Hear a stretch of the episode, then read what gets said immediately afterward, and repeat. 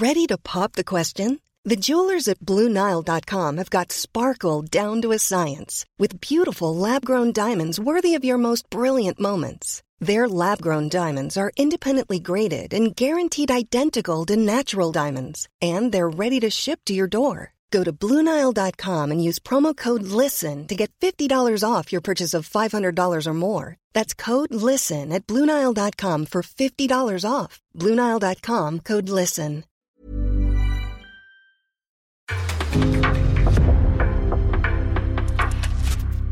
En podcast från Aftonbladet. In the supermarket, you have eggs class 1, class 2, class 3. And some are more expensive than others, and some give you better omelets. That's the wrong information. Wrong, wrong, wrong information. I didn't say that. That's the wrong information. Do you think I'm an idiot?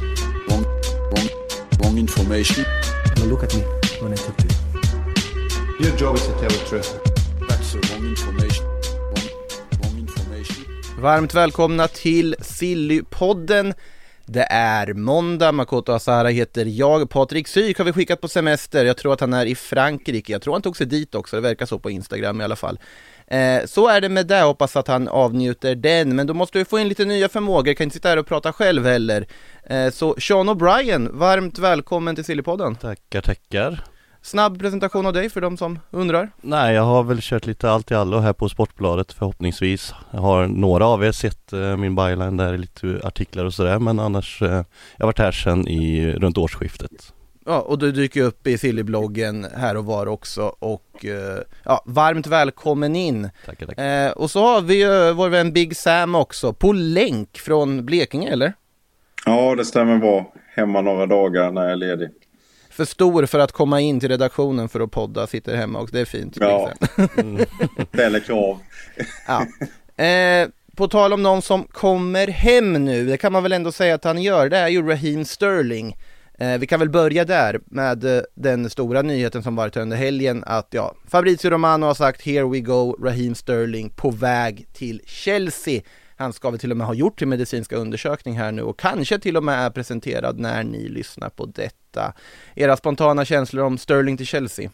Nej, det är väl en eh, rimlig värvning. Eh, jag är lite så här eh, frågande till att eh, City, om jag ser från bara det perspektivet, att de väljer att släppa honom. De har ju släppt Jesus, men de har ju tagit in Haaland, så det är ju liksom inga konstigheter. Men det snackas ju inte särskilt mycket om att Sterling ska ersättas. Och så jäkla många spelare har de ju inte i offensiven egentligen. Eh, visst, tanken är väl att Jack Grealish ska få spela mer än vad han gjorde kanske förra säsongen.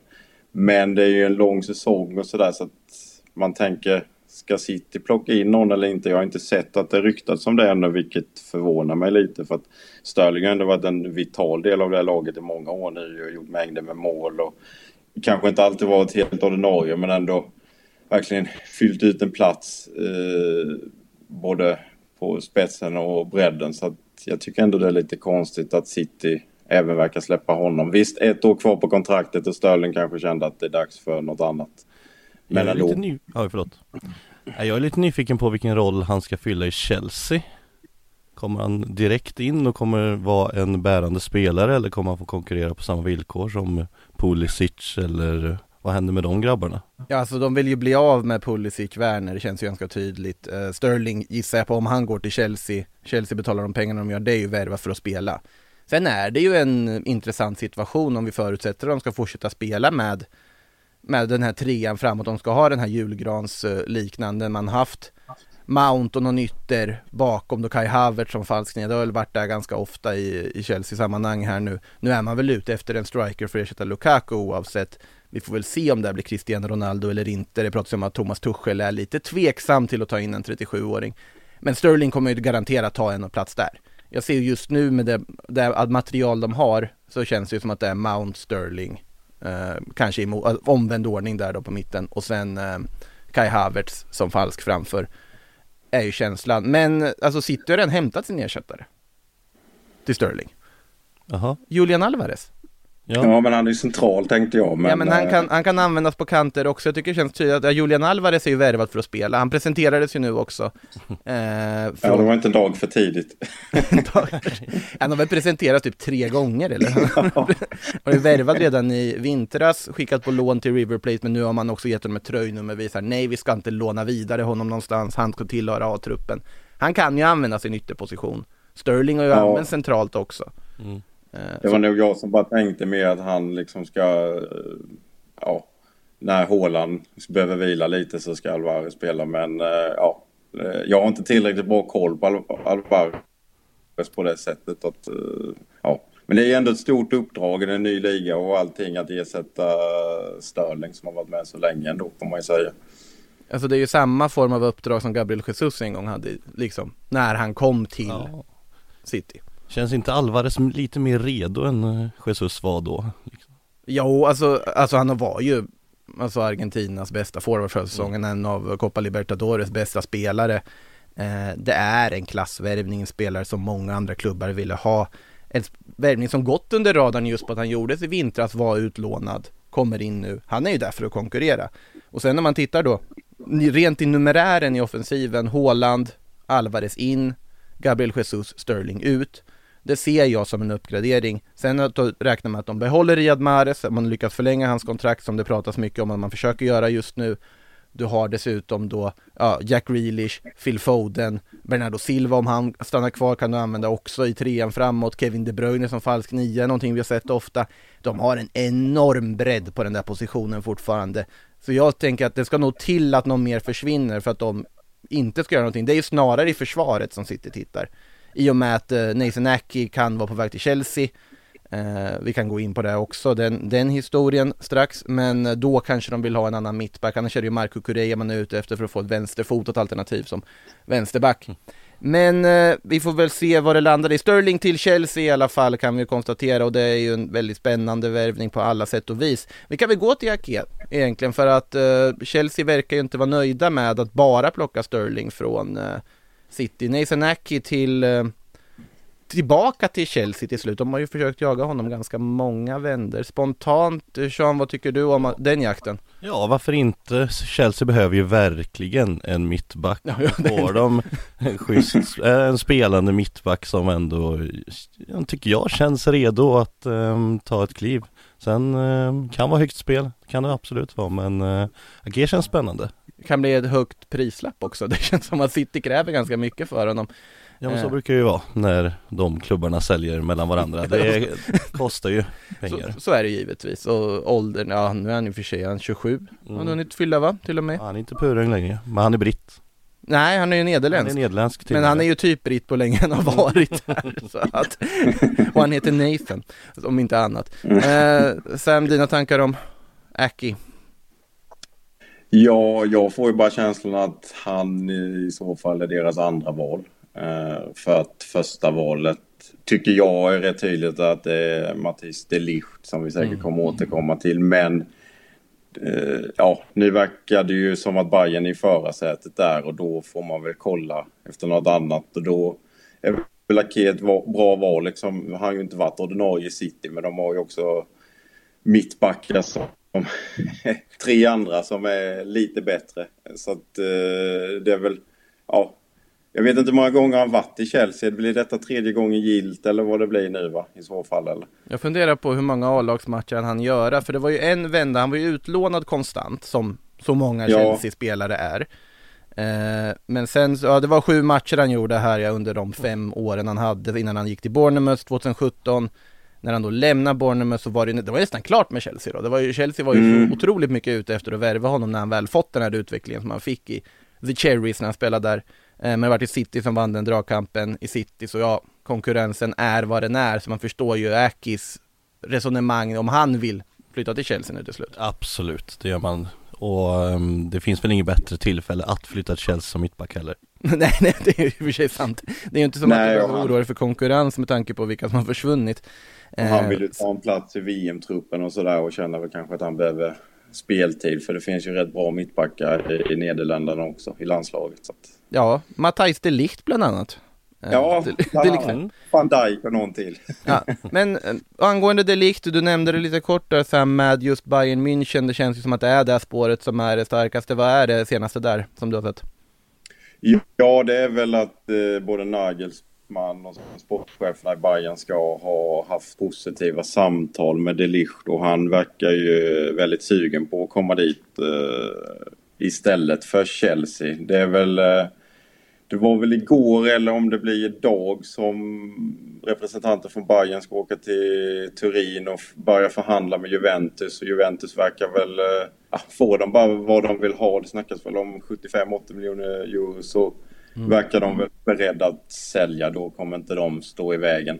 Eh, och ja, det skulle ju vara en jättebra värvning för Bayern. Han har ju inte riktigt eh, blommat ut så som man kanske tänkte när han slog igenom Ajax. Han har inte på något sätt varit dålig men han har inte heller... Det snackades om att det skulle bli nye Chiellini och ni vet allt det där och så bra har han ju faktiskt inte varit. Så att, eh, men i Bayern tror jag absolut att det kan bli det. Eh, och då får väl eh, Pavard snackas det om flytta på sig i Bayern. Så det blir väl Upamecano och De Ligt som mittbackspar där i så fall. Ja, Ja, ja det, är, det är ett bra mittbackspar. mittbackspar. Ja, Sen, sen har de ju, alltså där man oroar sig lite över med Bayerns uppsättning är att den börjar bli lite, lite ung och oerfaren. Alltså när Syla har försvunnit, mm. eh, det, har, det har ju varit ganska liksom stora omkastningar i den truppen överlag. Och nu Mazraoui kommer in och jag litar väl på att han kommer gå in och vara första högerback. Det har man ju saknat, en tydlig första högerback. Sen är det lite diffus situation med spelare som ja, Lucas Hernandez, vart, vill man använda dem? Vill man använda dem till vänster eller vill man använda dem centralt? Uh, finns Pavard tycker jag är en spelare man egentligen ska behålla. Jag ser inte anledningen att inte behålla Pavard och även Nej. Men det är väl ekonomiskt i sånt fall då. Ja, och sen har du ju pappa Neuer ja mål nej det håller jag med. Ju alltid Ja. Nej, vi får se vad de hittar på. Ju- Juventus i alla fall som ju då vill värva en ersättare, vi får se vad det blir av det. Det är väldigt mycket spelare som lag vill värva men som vill an- till andra ställen. Koulibaly verkar ju helst vilja gå till Barcelona eh, snarare än Juventus och se om Napoli är så sugna på att sälja till Juventus också med tanke på relationen mellan de klubbarna. Det är ju inte, Juventus Ja. är inte det mest populära gänget i Italien direkt. Nej, de verkar inte vara det va? Det har ju hänt saker genom åren och det är ju, det är ju så att liksom Det finns väl en viss avundsjuka mot vad de har åstadkommit genom åren med alla titlar och så vidare också eh, Vi får se vad Juventus gör. Juventus som ju gjorde, vi kan ju, vi, det finns lite grejer som blivit officiella sedan vi poddade senast och det är väl värt att nämna dem också. Angel Di Maria klar på ett års kontrakt till Juventus. Eh, Paul Pogba har ju setts på bilder men han har Men ju faktiskt hashtag. Ja, ja, med hashtags och han har dykt upp på medicinska undersökningar och han är med på alla liksom glada bilder som dykt upp från Turin och eh, samlingen för spelarna efter sommaruppehållet. Men han har ju faktiskt inte presenterats officiellt än. Eh, Det snackades väl också om en dunderlönesänkning för Pogba, att han går med på att kutta sin lön ordentligt. ja, alltså han kommer ju få en ganska bra lön fortfarande i, i Juventus, men absolut så är det ju inte liksom Han har ju ändå gått med på att han skulle kunna fått mer i PSG om vi säger så. Absolut. Så det är fortfarande en ganska bra, bra lön. då. Di Maria som sagt på ett års kontrakt också, tycker det är en smart värvning av dem, bara plocka in. Eh, ja men så här på kort sikt. Alltså att få in den rutinen, den kvaliteten på den positionen han kommer att göra. Och det är ganska riskfritt på ett år också dessutom med, med ett så pass kort kontrakt i och med att han gick med på det. Eh, Men de behöver ju någon där med för Chiesa är ju fortfarande inte tillbaka från sin skada och är väl tillbaka. Snackas det om väl kanske först i oktober eller något sånt. Eh, och då vet man inte heller när, med knäskador. Det tar ju alltid lite extra lång tid innan de hittar formen och så vidare. Så att det är väl eh, jättebra som du säger, rätt riskfritt och är väl inte, betalar ju ingen övergångssumma och har väl inte superhög lön på det här kontraktet kanske. Så det är väl en bra värvning. Mm. Eh, ska vi ta lite annat som har blivit officiellt så länge kanske när vi ändå är inne på det. Eh, Tottenham har gjort en ny värvning, Langley Mm. på lån från eh, Barcelona. De behövde också mittback. Nu får de ju in en spelare som inte kändes som första valet kanske, Mm. men också på kort eh, tid. Vad säger du Sean? Ja, det skulle vara intressant att höra dina tankar, du som ändå kollar väldigt mycket spansk. Alltså man har inte sett så mycket av Langley om man har kollat spansk fotboll. på sistone, jag han har inte fått spela så mycket. Alltså han är, nej men det är alltså som backup-lösning tycker jag väl att det är bra. Uh, men alltså det, sen får vi ju se, alltså han har ju stagnerat lite i Barcelona. Han började väldigt, väldigt bra. Sen så har han ju tappat sin plats. Ronald Araujo som kommit upp och varit alldeles strålande har ju tagit den. Eh, För Barcas del, man blir av med en del av hans lön här nu, man blir av med lite, lite lättare i budgeten då över nästa säsong. Eh, Det ska ju dock inte finnas någon form av eh, köpoption i det här avtalet. Så att det är ju verkligen en kortsiktig lösning. Går han in i startelvan i Tottenham? Det, Ja, det tror jag. det tror jag.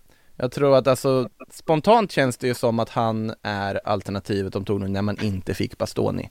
Alltså om vi räknar med att de spelar sin trebackslinje så ser jag framför mig ett försvar där det är Eric Dyer som fortsätter vara i mitten, du har Romero till höger och du kör Langley till vänster. Ben Davis har gjort det bra i den där rollen, Ben Davis är också ganska Verkligen. begränsad. Mm. Eh, det går ju, går ju att diskutera om det är Langley som ska ta Dyers position snarare centralt, men jag ser ju att Langley som vänsterfotad, liksom att du tar in det är ju tydligt att de varit ute efter en vänsterfotad spelare och att de jagade Bastoni först talar ju om att det är just den delen av trebackslinjen de varit ute efter att fixa.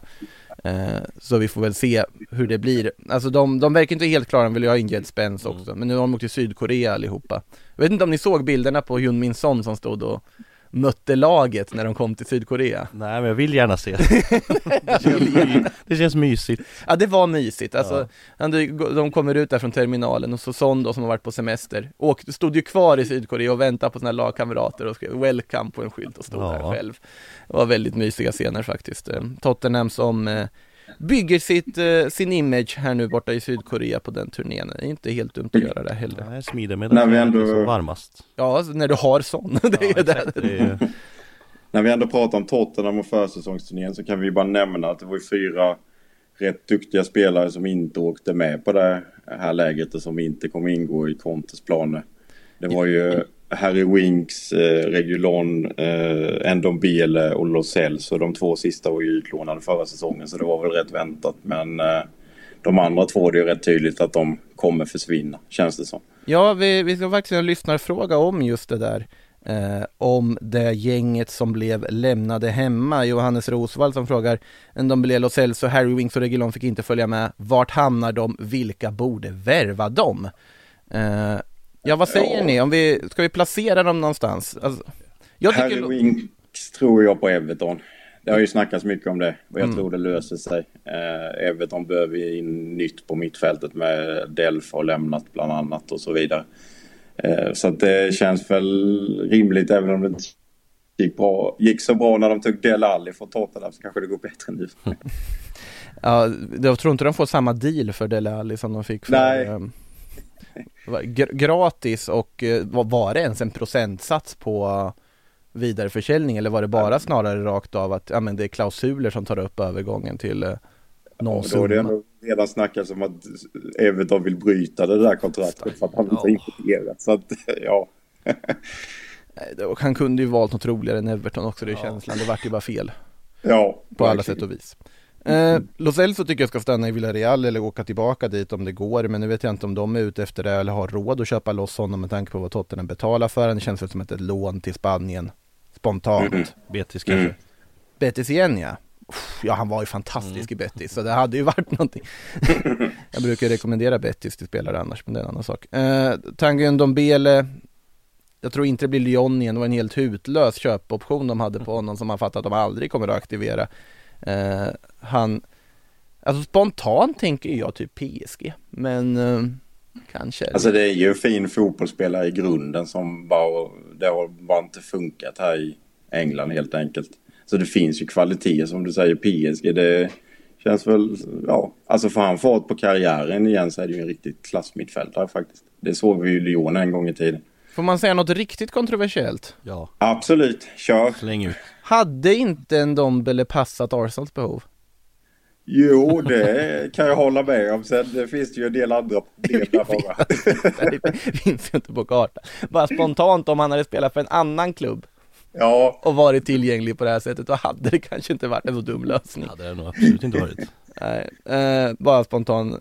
Och återigen, ja, Regilon har vi också som, ja, verkligen tappat lite av nivån som man hade innan och inte alls verkar ingå i Contes planer. Konstigt med en sån Ja. liksom, offensivt skicklig vänsterback, men det är ju Perisic och Sessignon som går före. Ja, jag trodde verkligen att eh, Region skulle passa som handen i handsken där när Mm. Conte kom in alltså. Eh, Men det verkar ju inte alls ha flugit Men han kan, behöver väl inte ha så svårt att hitta en ny klubb Ja, alltså det borde finnas ett halvt eh, stort koppel alla ligaklubbar som är ute efter dem, det kan man ju tycka i alla fall.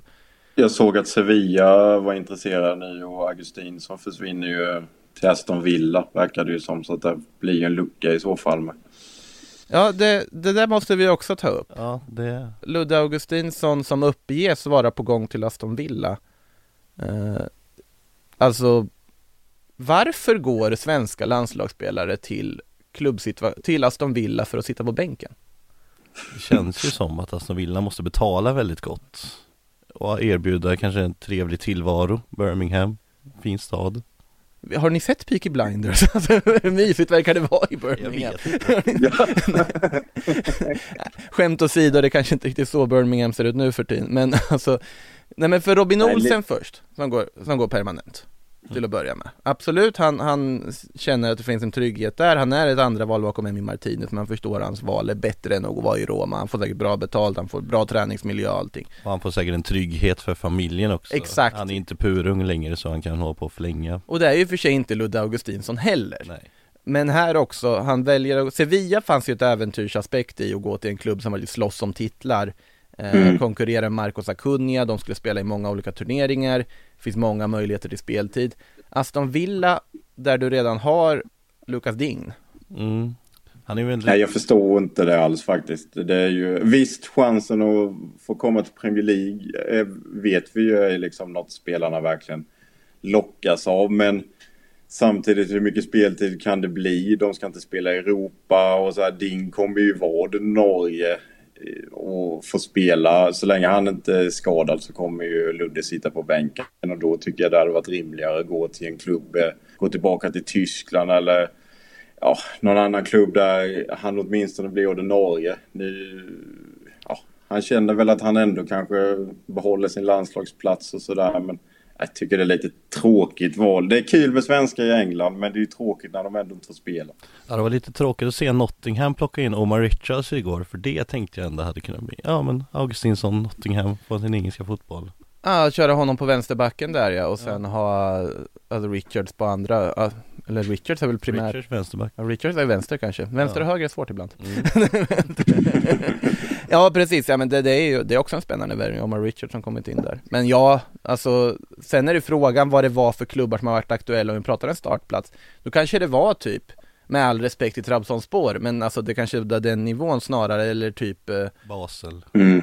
Basel, ja, typ något sånt, uh, Al Ittihad Alltså vem vet vilka klubbar det var som var inblandade? Nu, nu bara namedroppar vi så här, klubbar Ja. man känner till. Men, men samtidigt, Villa det är en klassisk klubb, men som sagt, det är inte de har mycket att bevisa, men sen de har mycket, de har det gott ställt ekonomiskt, de satsar På så sätt är det väl en klubb som är spännande att vara i, men jag ser ju inte möjligheterna till så mycket speltid för Augustinsson Ready to pop the question? The jewelers at BlueNile.com have got sparkle down to a science with beautiful lab grown diamonds worthy of your most brilliant moments. Their lab grown diamonds are independently graded and guaranteed identical to natural diamonds, and they're ready to ship to your door. Go to BlueNile.com and use promo code LISTEN to get $50 off your purchase of $500 or more. That's code LISTEN at BlueNile.com for $50 off. BlueNile.com code LISTEN. Andra värvningar från Sevilla med. Diego Carlos kom ju dit. Ja, han har ju desto mer möjligheter till speltid tror jag Ja, verkligen. Men de värvar, de gillar att värva från Sevilla tydligen. Aston Villa. Ja, bevisligen gör de det. Eh, vi får, eh, ja de gillar dessutom att värva svensk, svenska landslagsspelare för att sätta dem på bänken. Jag vet inte vilka andra vi har vi skulle kunna placera där för att eh, liksom få en hel svensk bänk framöver. Joel Andersson Jolan. Ja, eh, Kristoffer Olsson som backup. Ja ja Ja, Känns inte helt otänkbart ändå. Albin Ekdal skriver på. Han skulle vara till Spezia i och för sig istället Verkar det ju som. Många ledsna djurgårdare nu kanske Ja, fast han, är- det är för tidigt att flytta hem eller? 32 år Ja, i och för sig, i och Ja. för sig. Men jag tror att han håller ju fortfarande i Serie A kvalitet så att Sen är det ju skadorna som är det jobbiga med honom. Ja, och Eh, möjligheten att spela med brorsan försvinner väl definitivt nu ja, Förutsatt att Hjalmar då flyttar inom, Ja, det. ja, det, det återstår ju att se men absolut, det verkar väl onekligen så. Om inte brorsan flyttar till Spezia kan de hänga där tillsammans. Det verkar i alla fall som att Albin Ekdal ska till Spezia, det finns ju uppgifter på det, vi får se vad som händer där. Nu tänkte jag vi ska ta oss till Barcelona för där har faktiskt hänt saker. Eh, nu under natten till måndag så dök ett flyg upp på Barcelonas flygplats. Eh, det dök upp massa säkerhetspersonal från klubben och där dök även Osman Dembélé upp. Och dessutom eh, väldigt mycket väskor. Vi kan garantera att han, han valde att checka in bagage i alla fall. Det var inte bara handbagage han åkte med utan han, han är redo att stanna. Han är tillbaka för att det, det var helt sanslöst hur många väskor, men det är väl så man gör när man flyttar antar jag. Att han hade ju alltid resväskor och lådor som bara kom, kom på en vagn där. Eh, han har, uppges ju ha kommit överens med Barcelona med kontraktsförlängning efter mycket, mycket om och men. Det har ju varit vändningar hit och dit och allt möjligt. Eh, nu verkar det som att han blir kvar. Ja, och efter alla vändningar så kan man ju nästan fråga sig hur, Barcelona, hur sugna Barcelona har varit på att knyta till sig honom, men nu verkar man göra det. Alltså de, det konstiga i hela här är ju nu att han verkar ju gå med på en 40% i lönesänkning till att börja med. Barcelona var ju direkt efter att han blev klubblös och sa de det här är det som gäller, tar du det inte så skippa det. Men det här är vårt bud. Uh, han går ner på samma lön som tonåringarna i laget, typ Pedri och Ansu Fati, det är den lönenivån han kommer hamna på. Uh, och det är ett tvåårskontrakt, så att vi kommer att göra om hela den här historien om två år igen. Det är härligt, då sitter vi här igen och pratar om det. Då sitter vi och pratar Osman Dembélé ännu en gång. Fast vi kommer säkert börja redan ett år innan. Så om ett år så ska vi prata Osman Dembélés kontrakt ännu en gång, som vi inte har tröttnat på det redan. Yes! Som vi längtar! Som vi längtar. Ja, verkligen. Jag hoppas egentligen för hans skull att han har sparkat sin agent till dess, för att det är just, jag tycker det, det känns som att det är agenten som har eh, gjort det här så pass infekterat och rörigt som det har blivit. Alltså lönekraven han hade från början var ju hutlösa. Det är därför ingen klubb vågade chansa på honom med skadehistoriken. Nej men visst känns det så som att alternativet har ju inte funnits, eller Nej. alternativen har inte funnits. Precis, det är ju, i slutändan fanns de inte. Ja. I slutändan fanns inga alternativ. Eh, Dembélé själv har ju velat stanna i Barcelona, det har varit ganska tydligt, men att det har varit andra faktorer som styrt, styrt det här med hur han ska värderas och sånt. Xavi har velat behålla honom. Eh, ja, det har jag varit väldigt öppen med. ja, verkligen. Eh, och nu verkar det som att han har kommit dit för att skriva på ett nytt kontrakt i alla fall. Barcelona ska ge ett grönt ljus till det. Problemet nu är att nu har han varit klubblös i, ja, tio dagar han väl varit. Vilket innebär att han enligt La Ligas reglemente räknas som ett nyförvärv. Aj, aj, aj. Ja, och det är ett ajajaj om man heter Barcelona anno 2022 i och med deras budgetsituation och ekonomiska situation. För nu blir det en annan situation och då, måste, då räknas ju han in som en ny inkomst på något vis. Jag ska inte gå in för detaljerat och nördigt på det här, men att det innebär att det finns ju mer pengar de måste spara in på annat vis. Eh, och framförallt då, då man verkar värva en annan ytter också för att Rafinha uppges vara så gott som klar. Leeds och Barcelona uppges vara så gott som överens. Det dykt upp lite olika siffror, men den senaste man såg var ju 72 miljoner euro eller något i den stilen. Alltså ganska rejäl summa inräknat bonusar. Och att han fick sin vilja igenom till slut, Ja, vad det verkar som. Ja, det är sällan sett en spelare som varit så tydligt investerad i att gå till en klubb som Rafinha under det här fönstret. Eh, Chelsea var ju direkt överens med Leeds, men nej, jag ska till Barcelona. Deco, hans agent, ville ha honom till Barcelona och de pushade, de drog i trådar, de var på möten, det var allt möjligt hit och dit, flygresor för att eh, sänka ett halvt ozonlager på att lösa den här övergången och nu verkar den bli klar. Men då måste man ställa sig frågan nu, om Dembélé blir kvar, Rafinha kommer in, har de inte plötsligt ett överflöd av offensiva spelare? Jo, för det här tänkte jag på Ja. igår innan när du vi måste prata om Barcelona för så mycket som de vill värva och det ryktas hit och dit och de, nu verkar det ju som att de uppenbarligen har värvat men har inte de en ganska bra trupp till att börja med? De avslutar väl La Liga ganska fint? Jo, alltså de behöver ju förstärka vissa delar absolut, men om vi då räknar också med att, om vi räknar med Lewandowski kommer in då, om vi gör den, bara, bara liksom tankeexperimentet att Lewandowski kommer in också, att vi får se om de löser honom. Men då kommer ju han spela från start. Rafinha värvas för de pengarna, då han kommer ju spela. Och då är det Ja. kanske han spelar till höger. Osman Dembélé förlänger. Han kommer ju spela till vänster. Där har du anfallstrion. Bakom dem har du då Ferran Torres Pierre-Emerick Aubameyang, Ansu Fati, Memphis Depay som inte vill flytta på sig. Och ja, Martin Braithwaite kommer väl lämna, men du har honom där också. Nej, han vill jag ska stanna. Ja, nej, West Ham verkar det som, det mest väntade ryktet någonsin. Ja, verkligen. Eh, nej, men det är ju, alltså det är ju bra att ha bredd eh, och spets såklart, men det är ju lite konstigt alltså. Det är ju, det kommer nog vara en del missnöjda spelare där. Jag, jag tycker ju så här, om Ansu Fati bara är skadefri så ska ju han spela alla dagar i veckan. Han, eh, han ska ju liksom vara den med Pedri och Gavi och någon till som leder det här Barcelona in i liksom framtiden här nu. Då... eh, ja, Alltså, jag är mer nyfiken på hur den här affären med Rafinha verkligen har gått till. För att Chelsea, det var ju rätt uppenbart. De, Leeds sa vi vill ha det här Chelsea, ni får det här. Och det kändes som att ja, men då får de det mesta av summan här och nu liksom. Eh, Leeds måste ju ha kompenserat själva här nu i den här förhandlingen för att jag kan inte tänka mig att Barcelona betalar särskilt mycket här och nu i sommar utan det här känns ju som en avbetalning tre, fyra år framåt. Det är ju rätt vanligt på transfers men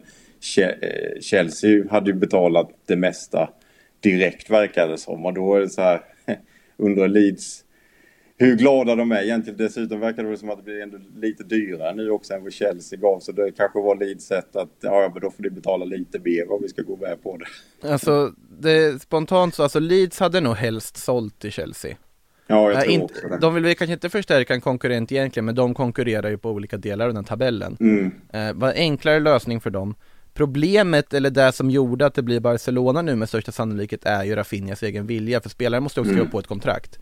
Och, Verkligen. och han vägrade göra det, han vägrade gå till, han, satt, han skulle kunna vänta till Leeds för att gå till Barcelona, för det finns så mycket kopplat till det här hur han Hans pappa var ju kompis med Ronaldinho, eller är kompis med Ronaldinho, det är liksom Han har drömt om att kliva ut på Camp Nou i Barcelona-tröjan, en barnsben och liksom varit fast besluten på den här drömmen och också kanske sett sin möjlighet att i det här Barcelona, i det här stadiet kan jag slå mig in och bli en bärande spelare? Det har ju vägt väldigt mycket för där, hans egen vilja. Och Leeds på något sätt ändå, med respekt för vad Rafinha har gjort för klubben, inser att oavsett vad vi gör kommer vi gå plus på det här. Grund, liksom summan de hade för honom när man gick in i fönstret var ju typ 40 miljoner euro. Det är ju i och med Premier League-intresset som de har kunnat trissa upp det här priset. I slutändan sitter nog Leeds och ändå är ganska nöjda med den här försäljningen. Även om de kanske hade kunnat få mer om dem och enklare väg till den om de hade sålt till eh, Premier League istället. Eh, Men spontant så, i och med att också Dembélé nu stannar, vad det verkar, och Ferran Torres värvades för ett halvår sedan och sades att han ska bära det nya Barcelona. Vad händer med det? Stora pengar dessutom. Ja, ja, det var stora pengar och det, det är en avbetalningsplan på det också. Och då pratar vi kontrakt som skrivs på ett sätt som att de ska gå upp i lön. Stegrar. Ja, och då vet jag inte, ska de göra Frenkie de Jong situationer med varenda spelare de vill bli av med som de inte har råd att betala lön för?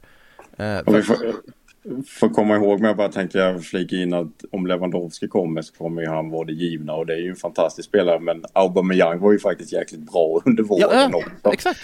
Eh, Och inte en spelare som har gått till Barcelona för att sitta på bänken hela tiden kan jag inte tänka mig för att han valde väl Barcelona efter det blev som det blev med Arsenal i januari att ja, men du kommer få spela här, vi ser dig som en viktig del ändå. Eh, Han kommer inte gå med på då kanske det blir en ny Arsenal-situation och det börjar bråkas och grejer och det vill ju ingen ha.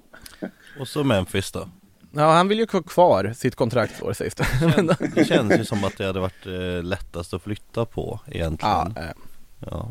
nej men han vill de bli av med. Han ingår ju inte i Chavis planer, men Memphis själv verkar tycka att det känns jättekul att bli free agent igen om ett år istället och få välja och vraka lite. ja, få lite stora kontrakts signingbonusar och Ja, om de, och det ska ju sägas också, Frankesi och Andreas Christensen har presenterat, de har inte registrerats än. okej. Och där finns det ju också att de måste de måste ju då spara in vissa pengar för att ens då den här knappen som finns i registreringssystemet ska bli grön så att du kan trycka på den. Det är där de sitter. Att det, det är liksom datoriserat på något sätt, har jag förstått det som. Men det måste till en Frenkie de Jong-försäljning då eller? Ja, och här är ju där vi kommer till då, elefanten i rummet, Frenkie de Jong här nu.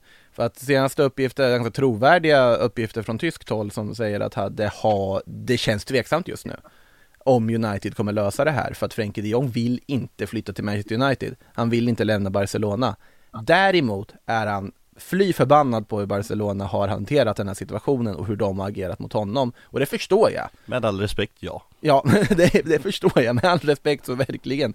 Eh, nej, för nu ska han ju vara tillbaka för att inleda försäsong Barcelona. Han vill egentligen vara kvar. Problemet för Barcelona är att de har egentligen inte råd att behålla honom om inte han går ner i lön för att hans lön kommer trissas upp i och med vissa prestationsbaserade saker som kickar in. Han vill inte gå till United, men han kan, om han säljs till United så är det dessutom en del pengar som de är skyldiga honom som de måste betala ut.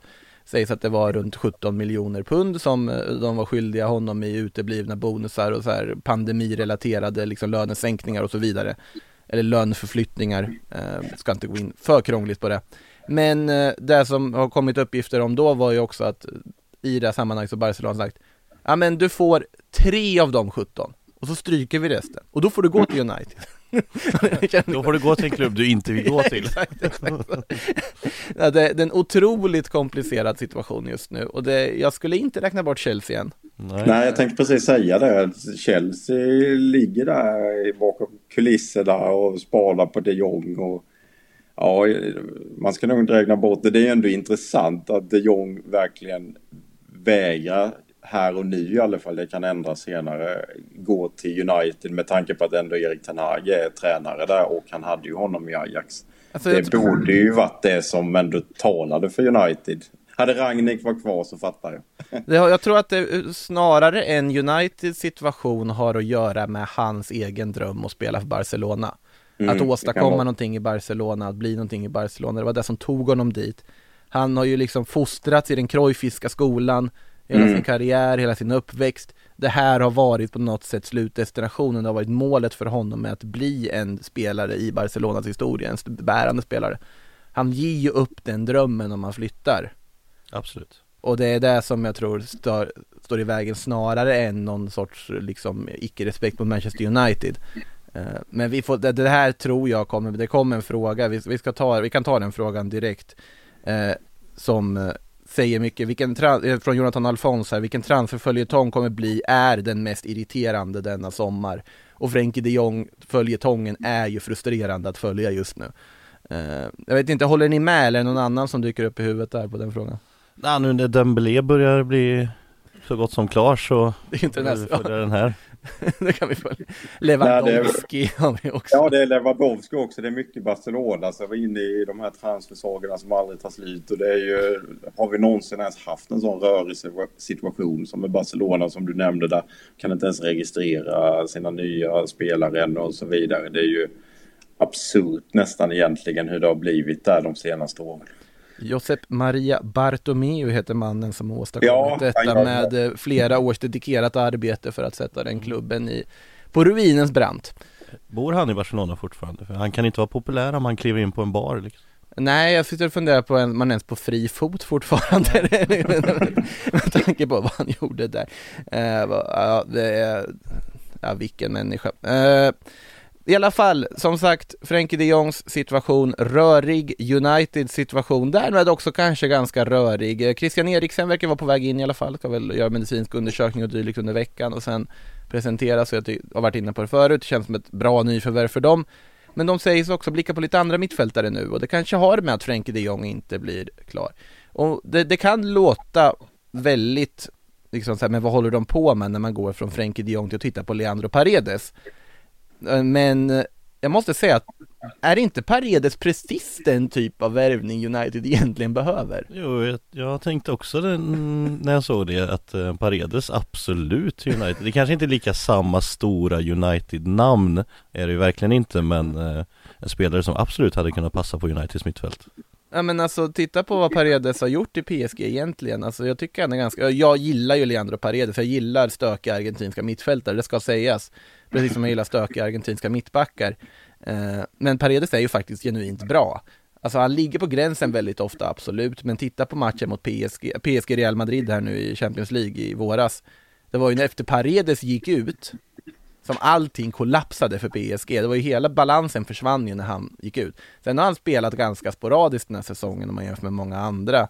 Men jag tycker att det är en riktigt, alltså det hade varit en intressant förstärkning att se. Det är precis den typen av spelare de behöver tycker jag.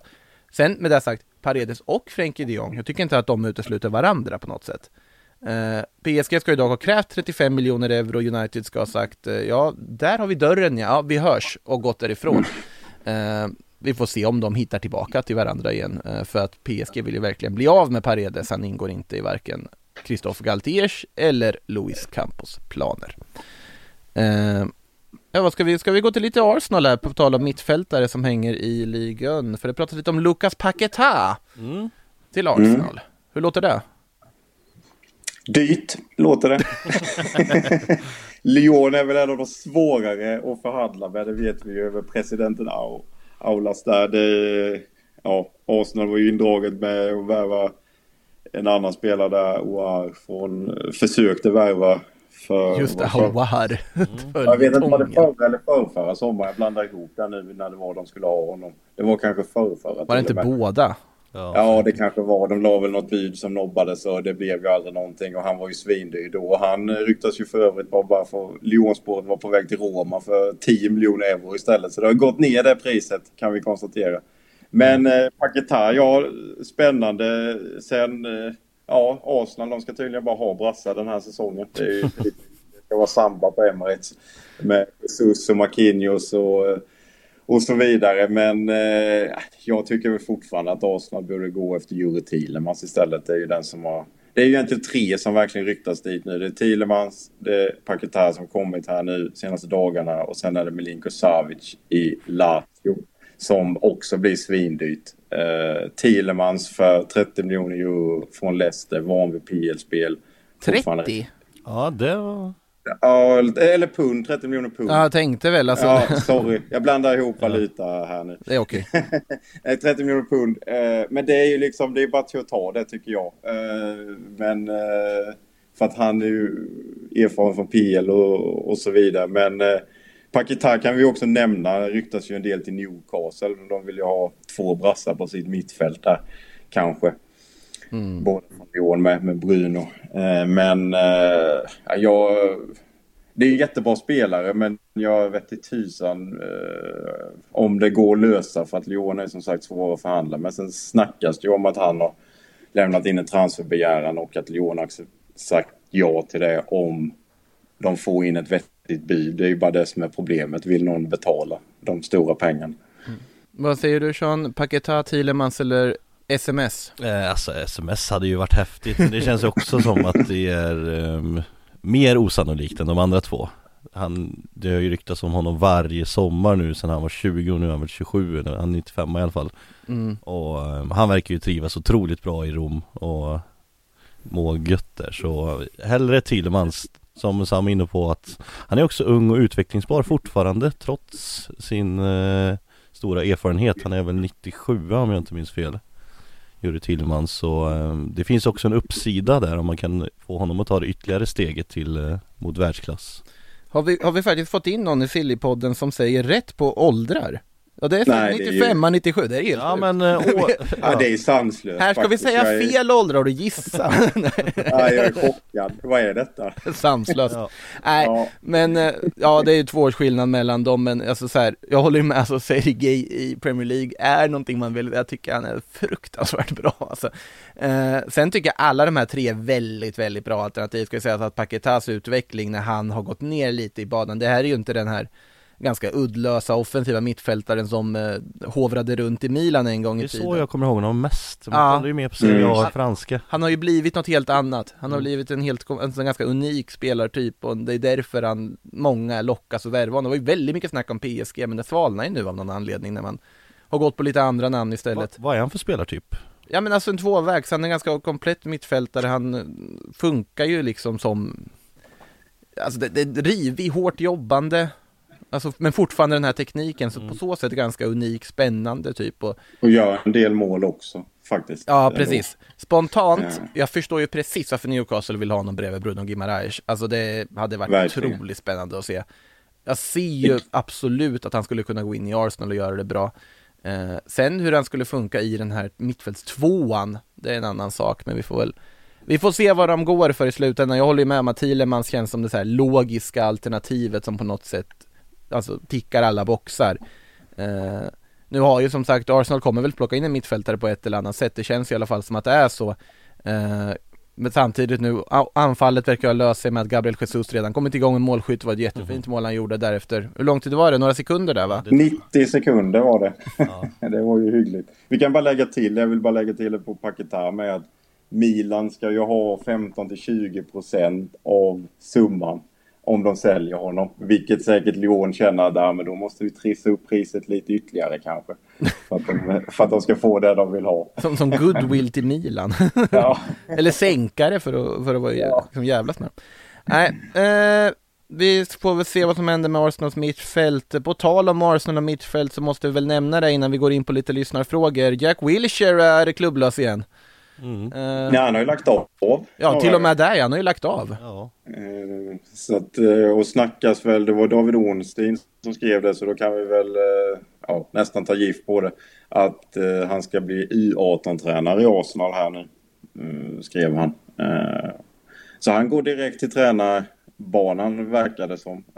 Ja, svårt att veta om det är bra eller dåligt. Eh, Men det är ju kul att liksom, han är ju väldigt uppskattad bland Arsenal-fansen. Så är ju en egen produkt där som tyvärr skadorna Ja, alla kommer väl ihåg matchen mot Barcelona när han var 19 år och dominerade Champions League mot Xavi och Iniesta. Men eh, sen har det ju tyvärr inte blivit som man trodde där och då. Eh, så att det är ju sorgligt ändå att han tvingas lägga av 30 år gammal. Och sista klubben blev dessutom i Danmark av alla ställen. Det såg man inte komma. Där han inte var ordinarie. Ja. Är det någon som har sett någonting av vad han sysslar med i Danmark? Nej, Nej, någon match men jag kollade hans statistik och den var inte, den var inte fin var den inte. Nej. nej, nej men som sagt det är ändå en spelare som väckte känslor med tanke på vad han gjorde i Arsenal under den tiden och eh, får väl tacka honom för karriären som ändå gett oss en del rubriker under de här sill- silly-poddarna och dylikt här under åren också. Eh, ska vi se om vi har några roliga frågor också. Ja, vi kan ta en Arsenal-fråga faktiskt. Emil Molin kommer här med frågan om Grimaldo till Arsenal för 7 miljoner pund. Arsenal verkar ha släppt Martinez och jag tycker Grimaldo är ett bättre alternativ till just vänsterbacken. Det måste vara en bättre business om man lägger mer pengar för en central mittfältare. Eh, ja, vad säger ni? Alex Grimaldo, Benfica, vänsterbacken. Hade det varit någonting för Arsenal? Ja, nu har väl de fått sin vänsterback tror jag. Jag tror om det är i Malaysia. United tänker du på? United. Vad sa du då? Arsenal? Nu lyssnar jag fel. Ja, Arsenal vill, ja precis, Martinez och United, Arsenal och United jagar ju samma spelare väldigt Ja, mycket i det här fönstret så att det, det ligger något i det. Eh, men Grimaldo till Arsenal då? United kommer inte värva Grimaldo i alla fall. Nej, För 7 miljoner euro är väl det. De tog ju. Nuno Tavares förra året så nu tar de en ny från Benfica i så fall. Och de, ja, att han är så billig är ju att hans kontrakt går ut nästa år. eh, Ja, offensiv eh, ytterback framförallt och ja, känns väl som egentligen Arsenal skulle behöva någon som är lite mer defensivt stabil. Eh, vi kan ju bara säga det, men ni nämnde ju ändå Martinez där. Det sägs ju att eh, United har lagt ett nytt bud nu för typ 45 plus 5 i bonusar men att Ajax nu då vill ha 60 miljoner euro istället. De bara höjer det liksom. Desto mer bud de får desto mer höjer de för att de vill ju att Arsenal ska gå med i det här budkriget men det börjar ju svalna känns det som. Jag vet inte fan om United heller vill lägga 60 Ja, men du kan miljoner. inte betala 60 miljoner för Lisandro Martinez. Nej, alltså han är ju duktig men han har gjort två år liksom i Ajax där han har varit bra. Det går ju inte.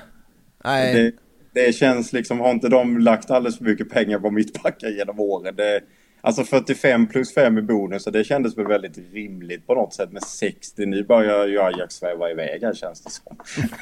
ja, nej jag, jag, jag gillar ju att höra det men jag kan inte tänka mig att någon skulle lägga de pengarna på, nej det, Nej. det känns tveksamt måste jag säga. Eh, precis, vi ska se vad vi har mer för frågor där också. jag tycker jag har fått en fråga här, eller fått två frågor från både AFC och Bobby och så såg jag den förut. Eh, Ja. Jesper Karlsson. Våran sitt Europa-break? Kommer han gå någonstans? Blir han kvar? Ja, vi ska se här. AFC Boys frågar när får Jeppe Karlsson sin stora Europa-break? Känns som att Det här känns som en sån här grej som man liksom vi diskuterar varje gång och det slutar med att man säger jo visst hade det varit kul att se honom i en topp 5-klubb, eller topp 5-ligaklubb liksom. Sen är det ju att han sitter ju på ett ganska långt avtal i AZ. Han ligger lite på den här gränsen att verkligen slå igenom, att han behöver kanske en riktig supersäsong till för att han ska gå upp på de här värdena som, som AZ känner att det här hade varit värt att sälja. Nu har han ändå hunnit med, tittar jag här liksom och fuskar lite här, men 64 Eredivisie-matcher, 26 mål, 21 assist är riktigt bra siffror. Fina siffror. Ja, Eh, som var- ytter. Ja, Jag tycker ju att det är en otroligt spännande spelare. Jag vill ju se mer av honom i landslaget i alla fall kan jag säga. Men han sitter på ett kontrakt till 2026. Han förlängde senast nu vid årsskiftet, eh, där, alltså december 2021. Eh, han kommer flytta någonstans förr eller senare och hans värde stiger ju i höjden konstant. Eh, just nu värderar transfermarkt honom till 14 miljoner euro. Det finns ju inte att AZ släpper för den summan. Nej. Och då ska vi komma ihåg att den nivån av klubb som skulle vara intresserad av honom idag utifrån ja, ekonomiska situationer, om vi bortser från Premier League då, om vi tar de andra, om vi tar La Liga, om vi tar Serie A, de har inte oftast 14 miljoner euro på att lägga på en spelare. Eh, vissa har väl det, vi såg ju Bryce Mendes flytta till Real Sociedad för typ den summan nyligen, vilket fick mig lite förvånad i alla fall. Spännande värvning för övrigt. Ja. Kanske inte framförallt på sådana spelare som är i Holland. Nej, Alltså, det- precis. Eh, det, det skulle kosta en slant att lösa honom. Och det är typ Premier League-klubbarna som har råd med det. Absolut, Leeds kunde ha valt att gå för Jesper Karlsson istället för Luis Sinisterra. eh, och det hade känts rimligt. Eh, man kan se klubbar som Nottingham eller Brighton eller någonting försöka värva honom också. Så pass bra är han tycker jag. Eh, vi får väl se vad som händer, men jag håller med om att någon gång, han måste ju få sitt liksom, nästa flytt och få ett break på så vis snart också. Ja, och han är ju 24 så han är ju inte heller dunderung. Har han hunnit fylla 24? Men när han är 98. Ja fast han, har fort, han, har han, är fyll, han är fortfarande 23 Ja, okej. Men han fyller snart 24 så han är ju Skönt att typ ha 24. lite fel på åldern Charles. Ja. Ja, bra, nu börjar du passa in här också. Ja. eh, vi kan ta Anders Eneroths fråga här också. Vad händer i Wolves? 7-8 spelare ut, inga in. Traoré och Neves ska försöka säljas. Varför inga in? Jo, det är för att Jorge Mendes är upptagen med att hitta en ny klubb till Cristiano Ronaldo. Så han har inte haft tid att pinpointa vilka klubb- spelare som ska in i hans... Eh, Ja, han har ju även eh. Vieira som gick till Arsenal och Vitinha till PSG och så, så han har ju alltid fullt upp. Eh, han, har inte han Grimaldo med? Eller han borde ha Grimaldo. har han säkert. Eh, har han säkert. Om att vi ska flytta och så vidare. Nej, men jag... Wolves är ju så här, det är rätt... eh, Deras mittfält är ju extremt tunt. Eh, Förra veckan förlängde ju Moutinho kan vi ju säga. Eh, Och deras startelvan är ju jättebra med Moutinho, Neves och Jiménez och, och så vidare. Dessutom i Fabio Silva kan vi också nämna då på väg bort på lån till Anderlecht. Han kostade 400 miljoner att köpa loss för några år sedan. Just det, Anderlecht ja. Ja, har ju inte alls funkat i Premier League överhuvudtaget Nej, jag, jag satt i den båten länge kan jag säga på Fabio Silva. Vä- väntade på breaket. Alla football manager-supportrar gråter nu när Ja. Wonder Kid Men- inte lyckas. Det är klart att Wolves-fansen borde vara lite oroliga för att jag tycker ju, alltså startelvan är bra men deras problem som förra säsongen var ju att de orkade ju inte under våren för att så fort de får en skada så finns det knappt någonting där bakom. Eh, och det, de skulle ju verkligen behöva bredda sin trupp. Nu får vi se om Adama stannar eller inte också. Där har de kanske en spelare i alla fall. Ja, han, det vart ju inte någon långlivat till Barcelona. Han gjorde väl en bra debut. Det var en riktigt Ja. spännande och sen var det inte mycket mer än det. Eh, nej, vi, Wolves kommer nog göra saker i det här fönstret. Eh, bara nog avvakta och följa och se vad som händer. Denna men- Mendes på tid. Ja. Ja, ja han, så, han har ju jobbat med vad heter, Bernardo Silva också som eh, tydligen vill flytta till Spanien men det, den, den blir ju inte heller lätt att lösa om Barcelona ska hitta pengar till honom också. Och det är ju då, Xavi sägs ju ha sagt det, det är väl lite Frenkie Jong här igen men att om de Jong försvinner så vill han ju ha in Bernardo Silva, det är ju hans drömrokad egentligen. Men den är ju inte heller helt lätt. Ja, det blir ju svindyrt i så fall. Ja, City ska väl kräva närmare en miljard, vilket är helt rimligt för en spelare som var en av ligans bästa i fjol. Ehm, tar någon mer fråga innan vi stänger butiken. Många som frågade om Frenkie de Jong och hur Barcelona har råd. Vi gick ju igenom där lite att de har egentligen inte råd. Men att det finns, det finns ju olika, olika saker som spelar in i det här. Det ena är ju såklart transfersummor är en sak. Men det är ju lönebudget och La Ligas lönetak är en annan.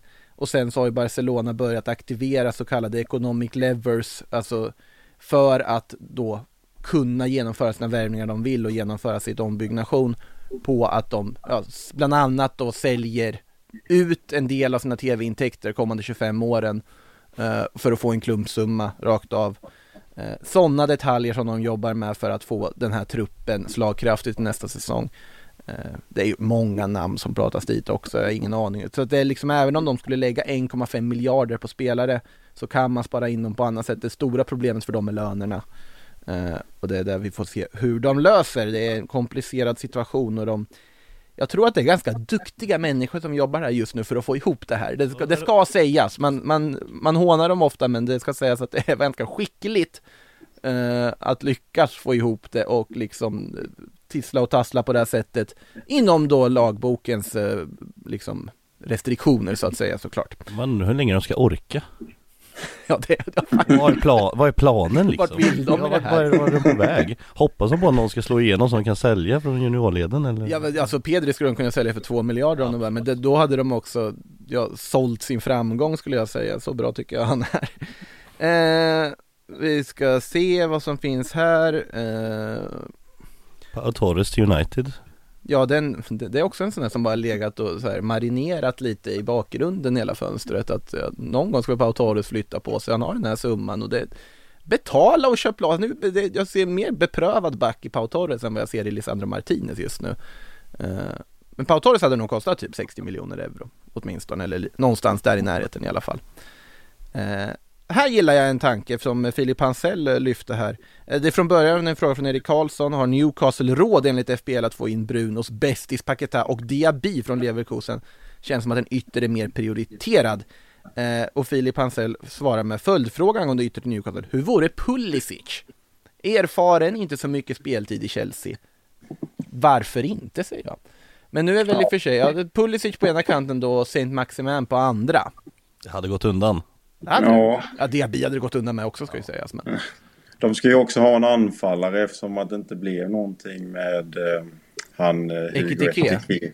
Eh, och jag har till slut. Detta innan och jag har sett något litet löst rykte men jag har ju pratat om detta i podden. Calvert Lewin till Newcastle. Den perfekta spelaren dit. Jag tänker fortsätta kämpa för denna och hoppas att det går igenom.